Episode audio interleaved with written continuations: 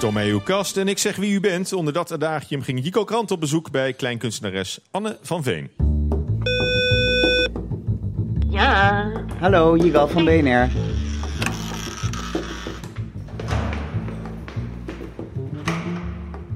Anne van Veen in haar eigen habitat. in mijn eigen habitat. Correct. Ik nam graag een kijkje in jouw kast. Welke kast wil je? Dat is een hele goede vraag. Ik zie hier een prachtige muziekkast, Klopt, dvd-kast. juist.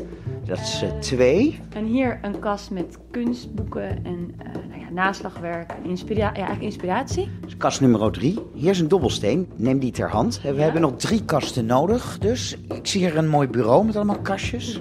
Zou daar iets interessants in kunnen zitten? Dat is aan jou. Dat mag jij Nummer vier. Dit is meer de romans. De boekenkast. De boekenkast, En correct. wat is dit voor een eh, kast? Kledingkast. Nou, dan hebben we er zes. Laten we met de dobbelsteen gooien. Oké. Komt-ie? Drie. Drie. Dat was de kunstboekenkast. Ja, hier is die. De kunstboeken. Maar ik zie meer dan kunstboeken. Ik zie ook een eh, hele hoop Maria-beelden. ja, ja, dat is van Han, dat handerafdeling. Die heeft daar iets mee. Jij niet. Ja, ik door haar ook wel, maar het is, het is meer haar plank, zeg maar. Ja. Daarboven zie ik een paar boeken met erotische eh prentbriefkaarten. Dit ziet er redelijk SM uit. Is dat dan van jou? Nee, ja, dat, dat, is precies. Laten we even die verdeling eh, hard eh, stellen. Wij noemen dat het lesbische plankje. En ja, dat is enigszins een contrast. Eigenlijk ook, weer- ook weer niet. Het gaat nog steeds over vrouwen. En Maria is natuurlijk ook de oervrouw. En wat zijn het precies? erotische postkaarten en prentkaarten waarin eigenlijk al heel vroeg de verbeelding van damesliefde ehm, te zien is. Dus dan heb je het echt over hele oude eh, postkaarten waarop eh, hele voorzichtige lesbische tafereeltjes eh, te zien zijn. Ja, En- ja Jingle.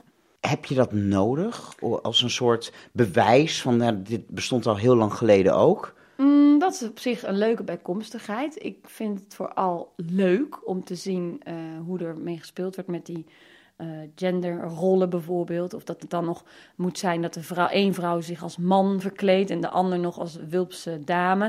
Dus ik vind het wel leuk om te zien hoe in vroegere tijden daar dan mee om wordt gegaan.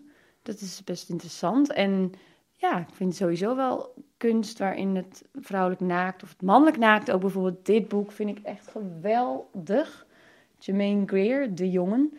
Dat zijn allemaal prenten van, van jongens, jonge jongens. En dat vind ik ook heel mooi, omdat ik mijn voorstelling Boy ook geënt is op, eh, op het jongensachtige. Ik geloof heel erg in die androgynie, zeg maar. Of daar heb ik eigenlijk, dat is het thema van mijn voorstelling. En eh, jongens van rond de 17 tot een jaar of 23 hebben eigenlijk nog iets meer het vrouwelijke en het mannelijke in zich verenigd dan Mhm. een man.